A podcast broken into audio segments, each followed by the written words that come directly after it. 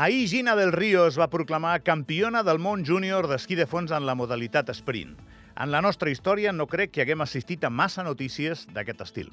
Potser la victòria de Vicky Jiménez de l'Open d'Austràlia Júnior podria tenir certa equivalència, però no massa coses més que jo recordi, eh? O igual cap. És un resultat extraordinari d'una noia que anava picant a la porta de l'excel·lència, però que, admetem-ho, possiblement, per no estar prou posats en el tema, no ens havíem vist a venir que podia guanyar un Mundial Júnior ja mateix.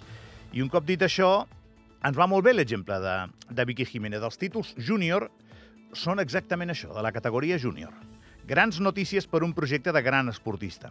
Però el cementiri de grans atletes júniors que després han quedat diluïts eh, quan es fan grans, quan es fan adults, és molt gran eh, quan han entrat a la categoria absoluta, alguns d'aquests atletes doncs, eh, no han pogut mantenir aquest nivell del que dèiem abans d'excel·lència.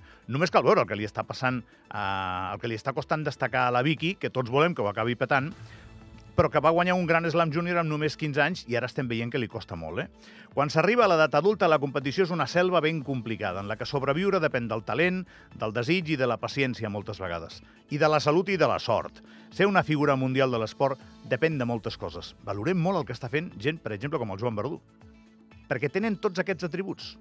Els mantenen, els alimenten i els exposen cada cop que, que toca. Però això és tan difícil, tenir un crac mundial. Però vaja, no és dia de punxar el globus. Tenir una campiona del món júnior és sensacional.